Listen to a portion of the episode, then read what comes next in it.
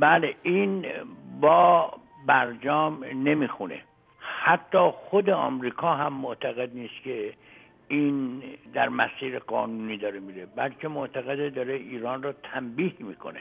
و به همین دلیل اخیرا همین مسئله که الان در مجلس در سنا 99 نفر از 100 نفر تایید کردن سوال شد از دموکرات ها که طور شما پای این مسئله رفتید. گفتن که اینها تصمیم داشتن جمهوری خواهان یک سری مواد خیلی بیشتری اضافه کنند که تحریم های مالی و قرضدارات رو هم اضافه کنند. ما برای اینکه اون نشه همینی که الان هست رو تصدیب کردیم.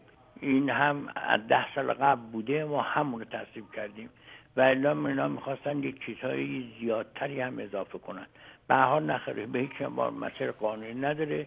کشورهای دیگه هم گفتن که ما این مسئله رو الزام به اجراش نداریم.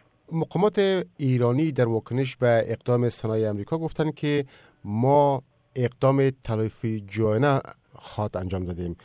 حکومت ایران در چی موقف است که بتونه اقدام مشابه و یا تلافی جوانه را رو اندازی کنه والا یه مقدارش حقیقتش اینه که به حساب حمله متقابله. زدی ضربتی ضربتی نوش کن. و الا خیلی نمی‌تونه کارو بکنه. ولی کن. در این حال ایران الان در منطقه دارای قدرت خیلی بزرگی هستش.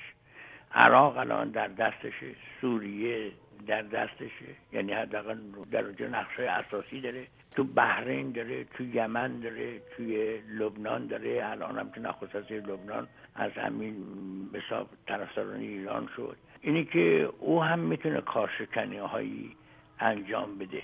اینطور نیست که نتونه مستقیم نمی‌تونه آمریکا رو صدمه بزنه ولی می‌تونه منافع آمریکا رو در اونجا صدمه بزنه. ولی عمدتا میگه خب اگر شما این اجرا نکنید منم اجبار ندارم که تعهداتی که دادم به حساب برجام اجرا بکنم. ولی در یک کلام خلاصه اینه که ایران الان حالتش زدی ضربتی ضربت نوش کنه ولی خیلی نمی‌تونه کار عجیب غریب بکنه. و در نهایت اگر تعذیرات یا تحریم های بیشتر بالای ایران وضع شوه بیشتر حکومت ایران و مردم ایران متضرر خواهد شد و یا امریکا. گفته میشه که کشورهای غربی از قبل گفتن که ما تعذیرات را نمیپذیریم و سرمایه‌گذاری متقابل ایران در بیرون از کشور و امیر رقم شمار از کشورهای غربی خواهان سرمایه‌گذاری در ایران شدند نمیشه انکار کرد که آمریکا دارای قدرت بزرگی وقتی که تحریم می‌کنه عوارض بر اون کشور داره. این رو نمیشه انکار کرد.